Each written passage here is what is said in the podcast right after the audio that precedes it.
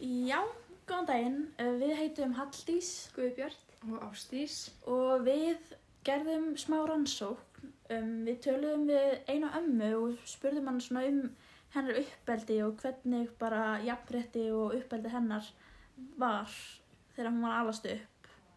Já. Og við sem sagt byrjuðum bara, við spurðum hann nokkuð spurninga bara í gegnum síma og fengum bara, þetta var bara svona eins konar einsaga sem er tegundað rannsóknar aðferð.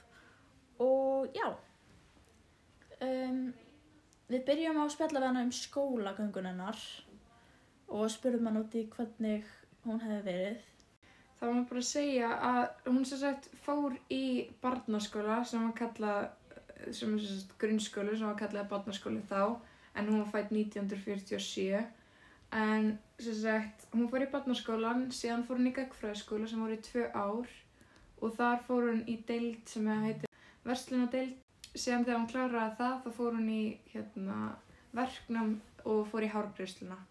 Hún vill segja að skólinn hafi verið svolítið skiptur sérstaklega þá hjá ömmu eða mömmu sinni sem að sem sagt það var svolítið þannig að strákarnir eða kallar voru mikið meira að fara í skóla heldur en uh, konur og stelpur það mætti bara segja að þú veist þegar mamma hennar var alast upp að það hafi bara varlega sérst til þess að konur var að fara í skóla nema þá ef þær voru efnaðar eða frá ríkum fjölskyldum Já, hún talaði nefnilega um það að mamma hennar hefði nefnilega farið í skóla mm en það var bara vegna þess að hún var úr mjög efnari fjölskyldu -hmm. og fjölskyldanar hafði efni á því en Mhm. þegar hún var sem sagt var alast upp þá var hérna mikil fátækt og þá var mjög mikið um það að strákanir færu bara ef fóldur hefði efni á því þá var valið strákana mikið frekar Já. í skólana Finnst þið ykkur þetta passa ennþá í dag? sko, veist, eins og bara með svona verslá menninguna. Mm. Hvernig er kynjaskiptingi þar? það er nefnilega frekar jöfn skipting út af það er held ég einhver svona kynja kvóti Mm í Vestló og þá, eða þú veist, út af það eru miklu fleiri stelpur sem sækja um -hmm. Er það? Já, það er það nefnilega held ég, ég hef heyrt það og þá er hérna sett upp svona ákveðin kynja kvóti held ég upp í það þannig að séu, séu meiri jöfn skipting Mm en eins og í dag er alveg mikið meir, eða það er alveg miklu fleiri kallar sem fara í eins og svona yðnám og svona já. verklegt Já, og konur meira sem eru í svona, Ógleðan á mér það ekki. jú, Mm -hmm. bara eins og Er við ekki meira um að konur sé í skóla yfir höfu núna? Ég var eitthvað að sjá Jú, um ég það. held það. Ég held það líka sko Mm -hmm. Og hérna líka bara þú veist eins og við fórum á svona framhaldsskóla kynningar og svona og þá var bara mjög mikið verið að reyna að hvetja konur í að koma í eins og bara bufélavirkjan og Mhm. Já. píparan og svoleiðis bara að reyna að fá fleiri konur og það er ekki mjög mikið um það en já, hérna langamæðin Mm -hmm. hún fór sem sagt í framhaldsskóla Já. sem var mjög flott á þessum tíma og hún notaði samt ekkert gráðuna sína Nei, ekki fyrst. Fyrst var hún bara að klára hann skólan og var bara strax ólétt og átti fjögur börn og hugsaði um þau lengi og, og notaði hann síðan síðar. þegar þannig að hún var bara heima Já, að passa, passa börnin já, hún var bara heim að passa börnin og notaði ekki gráðinu sína fyrir hún var alveg, alveg orðin svolítið fullarinn, sko. já uh, ammaðinn hún fór í fór alveg í mikið nám með við, eða ekki Jú, jú, jú, jú, hún fór það sko. Þetta var svona tími þar sem allt var að breytast, þú veist, það var, það voru mikið fleiri konur að fara í skóla og það var mikið meira um að, þú veist, svona, það var frekar jafn, jafn hlutfalla stelpum og strákum sem fór í skóla. Þú veist, þetta var bara algjör svona breytingatími. Þannig að það er náttúrulega eitthvað sem er verðt að taka fram. Uh, hvernig sagði hún var að fætt? 47. 47. 47 Um, það er náttúrulega, það fellur undir svo kallu þögglu árin sem er á milli, þú veist, fyrstu og annara bylgi feminismans. Já, En þú veist, það er kalluð þögglu árin af því að það var eða smá pása bara á hvernig þetta bara átti. mhm, Það gæti alveg verið einkennandi fyrir hennar líf, mhm. Já. alveg fyrir fyrirlutan hennar lífi eða Já. var ekkit vola mikið verið að berjast. Já, hún Nákvæmlega. talaði akkurat um það sko að það hafi verið, hafi ekkert verið í gangi enga breytingar eða ekkert verið að þú veist, berjast fyrir neinu fyrir en sko þegar hún var hún 18 ára þá fór hún að taka eftir Já. á vinnumarkaði Já, og svo þú leiðis. veist, önnur bylgja feminismans á að byrja, eða þú veist, sagt að hann byrja í kringum 1960, þá er Já. hún hvað, 12-13, Já, en þú veist, já, Já, hún talaði líka svolítið um það bara að þarna hefði, eðst, að þegar hún var að alast upp, þá hefði þetta verið að fara að breytast aðeins. mm Þú veist, þegar hún var í skóla, þá voru miklu fleiri konur sem voru að fara í skóla og það var Mm. miklu Mhm. jafnara en það hafði verið, þó það hafi nú ekki verið jaft. Já, Þetta er náttúrulega, þetta er alveg hæg þróun, en þetta er samt þróun. já. nákvæmlega. Og hún fyrir að svona, boltin fyrir að rulla þarna svolítið hraðar en hann var að gera þarna á þessum tíma. Já, Já. svona hérna eftir þá, þegar að önnur bylgjan Já. byrjar. Kringum 1960. Já, nákvæmlega. En hún talaði líka um áhugamál sín Mhm. og þá uh, voru þau aðalega tónlist, hún var mjög mikið fyrir tónlist Mhm. og fekk sér þetta eitthvað gítar þarna þegar hún var frekar ung, já, Já. 12, eitthvað svo leiðis og hafði mikið áhuga á því og hún talaði einmitt um það að gítarkennarinn hafi verið kona Mhm. sem að okkur fannst mjög áhugavert og mjög fínt allavega Mhm. og ef þegar maður svona, maður tengir oft gítar við karla mikið fleikar heldur en konur og sérstaklega þá einhvern veginn ef maður hugsa svona tilbaka einhvern veginn Ef Já. hún er bítlarni orðið kalkins. Já. já og þú veist bara eitthvað svona þú veist, líka bara þú veist ef við hugsaum bara 1900 og eitthvað eða þú veist, 1990 og eitthvað þá er ekkert eitthvað já fullt af konum að spila á gítar þá er ég meira svona já fullt af konum að dansa út um allt og syngja Já, frekar eða þú veist það er ekkert eitthvað mér finnst tónlistarmenn, mér finnst þeir vera meira ábærandi ef þeir- ef þeir eru kalkins. já Mhm. Þú veist, ef við hugsaum í gegnum söguna, þá eru, þú veist, hvað getur við nefnt marga fræga hvernmanns gítarspilara? Einmitt. já bara ekki margar sko Nei. Ég held að ég geti nefnt núl. já ég held Já, það líka það. En já, og svo var hún líka mikið í skápdónum Mhm. og það var líka mikið tónlist. Og okkur fannst mjög áhugavert að hún talaði um nefnilega að skátanir hafi verið mjög skiptir, Mhm. kynja skiptir. Þannig að stelpunar voru sér í hóp og strákarnir sér í hóp. Já, það var bara stelpuskatar og strákaskatar. Já, og hún talaði líka mjög mikið um það að hefði verið þannig bara félagslega í skólanum. Mhm. Að það hefði bara verið stelpur að halda sér saman og strákar að halda sér saman. Mhm. sem var mjög mikið, sem mjög, mjög áhugavert líka og hún tala líka um mjög mikið aga sem fylgdi bara einhvern veginn öllu Mhm. þú veist bara eins og í skátunum og líka bara í bara venjulegu uppeldi þá bara, Já, fókusa mikið á aga já, og það, hlýðinni og svona. já, það áttu bara allir að fylgja það voru bara reglur og það bara áttu bara allir að fylgja þeim Já, og stelpur, stelpum var kent að vera meira ábyrðafullar heldur en strákanum. já, Það var meira ábyrð sem var sett á stelpunar. já, mikið veist, strákanum máttu meira vera að djóka og leika sér og svona heldur en að stelpunar. já, hvað var, hvað sagði Emma en hún hefði verið frekar ung allavega þegar hún þurfti að bara, vera bara að passa og Já, hún var 12 held ég og þá var hún að passa bræði sína og sem voru bara þreim ára yngri eða eitthvað já, já, sem voru þrjum árum Mm. yngri en hún og hún þurfti bara að hugsa um þá alveg á fulli og þú veist, þó hún hafa bara lítil sjálf og síðan líka bara eins og með heimilistur og allt það þú veist, já, strákanir þurfti ekki að taka jafn mikið þátt og hún, þú veist, ekki nærðin því hún tala bara um að, þú veist, hún hafi bara verið margfald meira í því heldur en þeir, sko já, nákvæmlega og Byrju einskot á það. mm Já.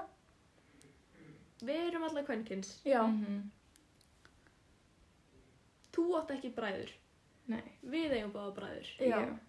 Ég hef alltaf verið miklu meir í öllu. Mm. Vist, þeir hafa aldrei snert heimilistörf.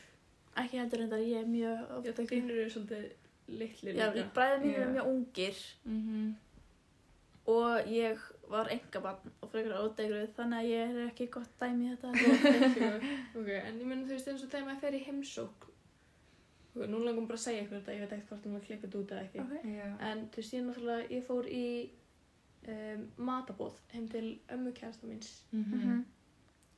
Allir karlmennir, þetta voru ég og hún og svo var það kærasti minn, pappi hans og þú veist afi hans Mhm. allir kallarnir fóru og settust niður og ég og hún vorum eftir að taka til já, ég var að hitta hann í fyrsta sinn Það og ég er... sagði við kærasta minn, já bara viltu ekki hjálpa ömmu þinni? Hann eitthvað, nei, nei, hún sér alltaf um þetta. Og ég stóð þarna og ég var bara svo brjálið, ég var bara eftir að grínast. Bara já, Já. hún gerir þetta alltaf það er bara þannig Já, hvað? Ég er bara vanur þessu, við ætlum bara að hafa þetta svona. Ég var bara, Já. nei, nei, nei, ég er alltaf að taka til, sko. Já, ég tek alveg eftir þessu svona ef ég fer í svona stærri matabúð bara eins og ég mjög ömmu og eitthvað, það er mikið af fjölskyldunum minna þarna. Já. Þá er einhvern veginn bara, það er oftast bara þannig að eldhúsið er fullt af konum Já, Mhm. og kallarnir bara eru frammi. Það er bara einhvern veginn gerist og það er enginn að pæla í því. já, Og Já. líka oft bara ef að kallarnir ætla að koma að hjálpa, Mhm. þá kemur amma bara að reyka þau í burtu, Ég hef Já. líka mjög mikið tekið eftir þessu setlega með ömmu mína. Já, Þú veist, mamma og pappa var alltaf bara, nei, þar þú og sæstu niður. já, Já. Þú veist hvað það hjálpaði mér í eldhúsi, ég er alltaf bara, já, ok. já, ég er oft líka bara út, ég er alveg frekar ótegluð og þú veist, þannig að ég er alltaf svona ein eftir fram í stofu Já. með öllum köllunum. Já. Þannig að þú veist, þá sér maður líka alveg frekar vel, þú veist, þegar maður er svona einhvern veginn ekki inn í þessu. Já. Mhm. En já, aftur að The Other Amma. Mhm. En hún, já, hún ólst náttúrulega upp, sko, með tveim bræðum og Mhm. var eina stelpan. Mhm. Og hún var elst, þó það hafa bara verið þrjú ára milli. Og það hefur kannski bætt aðeins í þessa pressu á að vera svona ábyrrafull. En ég held samt að það hafi verið mjög bara svona ábyrrandi á þessum tíma að konur Mhm. hefðu átt að taka meiri ábyrgð og vera einhvern veginn bara svona fullorðast fyrr. Mm. Mér líður eins og það hafi verið bara svona Já. Frekar svona algengt. Já, ég man ekkert, það er, þetta, kemur ekki fram í viðtalinu en hún sem sagt, uh, þegar hún átti fyrsta barnið sitt, amma, Mm. þá átti hún kærasta og kærastinn, hann vildi ekkert svona, hann vildi bara ennþá vera barn, hann var bara að fara át að rúndi með vininum og þú veist, gera eitthvað skemmtilegt endalist á meðan hún var alltaf heima og henni fannst það ógstlega leðilegt og hún talar alveg um það hvað henni fannst það leðilegt, henni langaði líka alveg að geta fyrir út, Já. Akkur gæti hann ekki verið eitt kvöld og passa, það það var mjög mikið þannig, sko. já, nákvæmlega. Hún tala líka um það að konur hefði verið miklu fyrra eignast börn. Mm Hún var, hún sagði að það hefði verið bara um 18-20, bara frekar algengt Mhm. börn, að konur voru eignast börn. Já, og hún var sjálf 19 ára þegar hún átti fyrsta barni. Já, þú veist, ef að fólk er börn núna, þá er ég bara, oh my god, Já. bara hvað, hvernig, af hverju?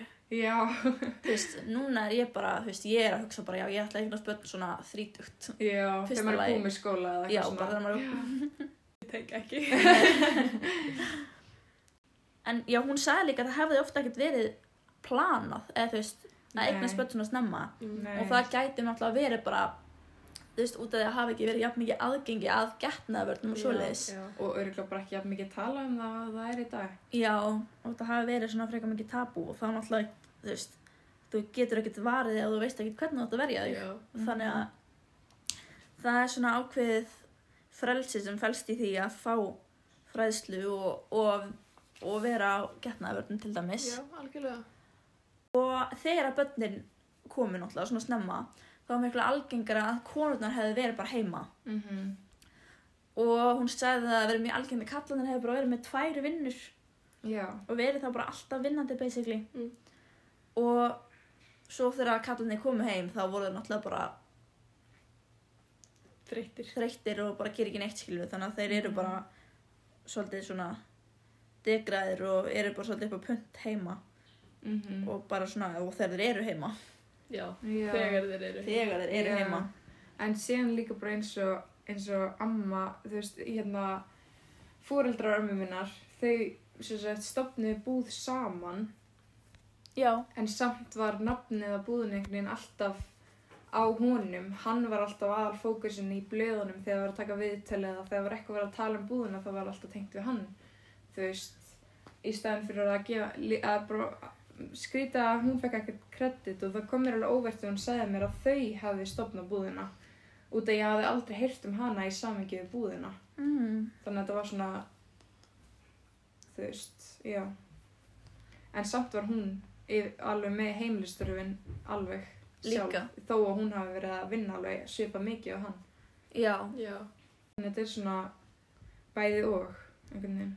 já Sko, það sem ég er mjög mikið að hugsa um núna er, ég var alltaf við það að fara að segja bara, já, það er auðvitað mjög erfitt að sinna heimili eða þú veist, að vinna tvær vinnur, þú veist, mm. Að ég kalla hann er alveg skil smá pásu. mm. En þú veist, það er alveg, shit mikil vinna að vera að hugsa um börn allan daginn inn og út algjörlega og heimili, þú veist, eins og hún var að tala um að heimilisturinn hefði tekið miklu lengri tíma Mhm. þú veist, núna erum við með þvottavilar og uppþvottavilar Mm.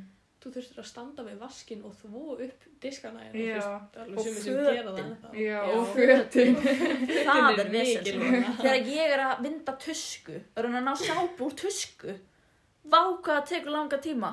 Oh my god, maður er bara, maður stendur þarna maður vindur tuskuna, það er ennþá sápa eftir svona hálftíma. Hvernig ætlaði það að sé að Ég gera að heila að flýk vinda tusku. Jú, oh my god, það er svo pyrrandi Já, en þú veist eins og að vera inn á heimili og reyna að koma sér út á þú veist atvinnumarkað, þú veist eins og Mhm. var það, var það amma eða langamæðin sem þú veist var með stúdenspróf en fekk ekki að nýta námið? Eða það var Langa. langa. Langama, Mhm. þú veist heldur hún hafi verið pyrruð bara búin að eyða öllum þessum tíma í nám og svo bara heyrðu hérna krakki farð og þvó fött já, já, ég held að þú veist, út af að hún var ógeðslega intelligent eða bara mjög Mm. klár og flott kona sem fekk einhvern veginn ekkert að þú veist, láta ljósið skína. Já í byrjun allavega í byrjun, í byrjun, en síðan fekk hún alveg flotta stöðu og flotta vinnu og já, setna en þú veist eins og heimurinn er að þróast í dag Mhm. þú veist við erum, hvað eru marga konur á alþengi? ég man það ekki allavega Heru, Mm. árið 2016 voru konur á alþengi 47,6% já. já, ok en já þú veist, þetta er búið að taka svolítið langan tíma til að þróast Mhm. já, en mér finnst þið vera á miklu jafnari stað. Mhm. ég er náttúrulega var ekkert aðalast upp á saman tíma hún en Nei, mér er samt alveg konur í dag ennþá, núna, núna er til dæmis, þú veist, fólk jafn mikið að vinna eiginlega, svona næstu því, eða Já, allavega er ekki- 100% í kringum mig, sko. það er ekki held ég mjög algengt að konur séu bara heimavindi mæður Nei, ég held að það sé bara frekar óalgengara heldur en algengt. Já, þú veist, það er alveg frekar algengt kannski í bandaríkjunum og svoleiðis. Mhm. Mm Ég hef alltaf heyrt mjög mikið um það. Já, já, ég hef líka eitthvað hýrt um það en En allavega ég hef ekki mikið... svona í bíómyndum. Já, allavega. Já, þú veist, það er svona í bíómyndum, sko, en já. Já, þegar þau fá náttúrulega sko ekki í bandaríkjunum þá er held ég ekki mjög mikið um hérna uh, fæðingarólof. Og þess vegna þarf fólk að fara og þarf ofta að hætti í vinnunni. Já, Og þess vegna er það sko, held ég. jú, það hlýtur að vera. En, já, aftur að hérna með börnin. Mm Það var líka bara, veist, á þessum tíma og var engin leikskóli eins og hún Mhm. talaði um. -hmm. og þá var ekkert hægt að fá pössun og það var bara svolítið lítið tækifæri til þess að fara að vinna já, nema Mhm. þú væri þá að taka krakkana með þér í vinnuna Já. þannig að það var bara svolítið erfitt að fá að vera að vinna líka Mm nema eins og kannski hann að amma einn talaði um að hún hefði verið að þýða bækur sem hún alltaf getur gert heima Já, já, já. en þú veist, ef þetta er eitthvað sem þú þarft að fara og þarft að vera allan tíman að og Mm veita alla þína aðtegli þá er það svolítið erfitt með börn í kringu þig Algjörlega. En það var samt alveg sumt sem var alveg svona frekar nútímalegt eins og hún fekk bara bílpróf á sama tíma og við Mm og, og bara, ég veit ekki, alls konar eitthvað og já, og veist, eins og bara fengu flestir fyrir skóla á hennar tíma og svona en svo var líka alveg mikill munur eins og með bara fjölskyldu, veist, bara heimilið og þannig og -hmm. svo var hún líka að tala um að þú veist, eins og bara með eigur bara, þú veist, fólk var náttúrulega bara að sauma fötið sín sjálf og það var ekki Mhm. mikið um einhverju svona hlutlagar eigur einhvern veginn Já, og mamma hennar saumaði fötin á hana líka sem er ekkert endilega að tala sem húsverk en saumaði föt á hana, fattaði mig. Já, Það er ennþá meiri vinna. ángríns Þú veist, hún var í svona 100% vinni allan daginn, alla daga, bara nætur og daga og meðan, þú veist, pappinar var minna. Já, og líka bara þegar maður er svona heimavinnandi, þú veist, móðir Mm -hmm. þá er ekkert hægt að klokka sig út, Nei. skilur þú ert bara að vinna alltaf Mm alla daga, skilur Þú Já. veist líka það er ekki borgað kaffitíma eða neitt, þú getur ekkert bara Einmitt. þú ert bara að vona að það verði tími Já. þú veist, svo verða börnin veik eins og öll börn verða einhvern veginn veik og það er þú veist svona þrefald álag Já, Já. einmitt. og bara eins og með vinnumarkaðin þá skilur þess, það er bara, það er allt miklu jafnara nútidags Mhm. heldur en það var einhvern veginn Já, algjörlega. og þú veist, konur eru bara í skilur sömu störfum og sömu bara uh, sömu, jafn háum störfum. Já, samt ekki alveg. Veist, Það er mikið algengar allavega. Já, það er algengara. Það er miklu algengar núna en uh, munið þegar við vorum að tala um hvernig þú veist, vinnumarkanum er skipt. Þessi Mhm. lárétta Já. og lóðrétta skipting. Mm Uh, lárétt skipting er sem sagt þannig að þú veist um, kallar sinna oft frekar ákveðnum störfum heldur en konur og þú veist það er svona Mhm. skipting bara í vinnu þannig Mhm. eins og konur í hjúgrun og kallar í ég veit ekki hverju eru kallar Bara yðnaðarstörfum Já, bara Já. smíði eða eitthvað, ég veit ekki. og svo kemur Mhm. lóðrætta skiptingin og það er þú veist þá að aðstu stöðunar eru miklu frekar í höndanum á köllum Já, þú veist Mhm. yfirmenn eru frekar kallkins eins og leggskólastjórnana sem við tölum um eða þarna yfir Já. leggskólum á Íslandi eða eitthvað það er kall þó að þetta sé hvernvætt í alvörinu já, það Já. er mjög mikið, þess, konur eru næstu því bara örgulega svona 90% eða meira já, konur eru sem konur sem eru Já. leikskólakennarar. Mhm, En samt er maður sem er yfir þeim, mhm. sem er bara mjög gott dæmi um þetta. er það ekki líka með hjúkur það var Bara mjög líklega, sko. menn sem að fá að vera yfir þar Jú, ég held að það hafa eitthvað verið að tala um það sko. með minni það já. Og eins og ammaðin var að tala um bara, það var Mhm. ekki, það bara sást ekki að konur væru í svona stórum stöðrum eins og bara að vera ráðherrar eða að vera stjórar, skiljur. bara vera á alþingi eða bara já, yfir, bara yfir einhverju Já. bara þú veist forstjóri eða yfirmaður eða eitthvað svoleiðis það Mhm. var bara sást ekki til þess sko. Nákvæmlega. Og það er hægt að tengja þetta bara við feðraveldið. mm.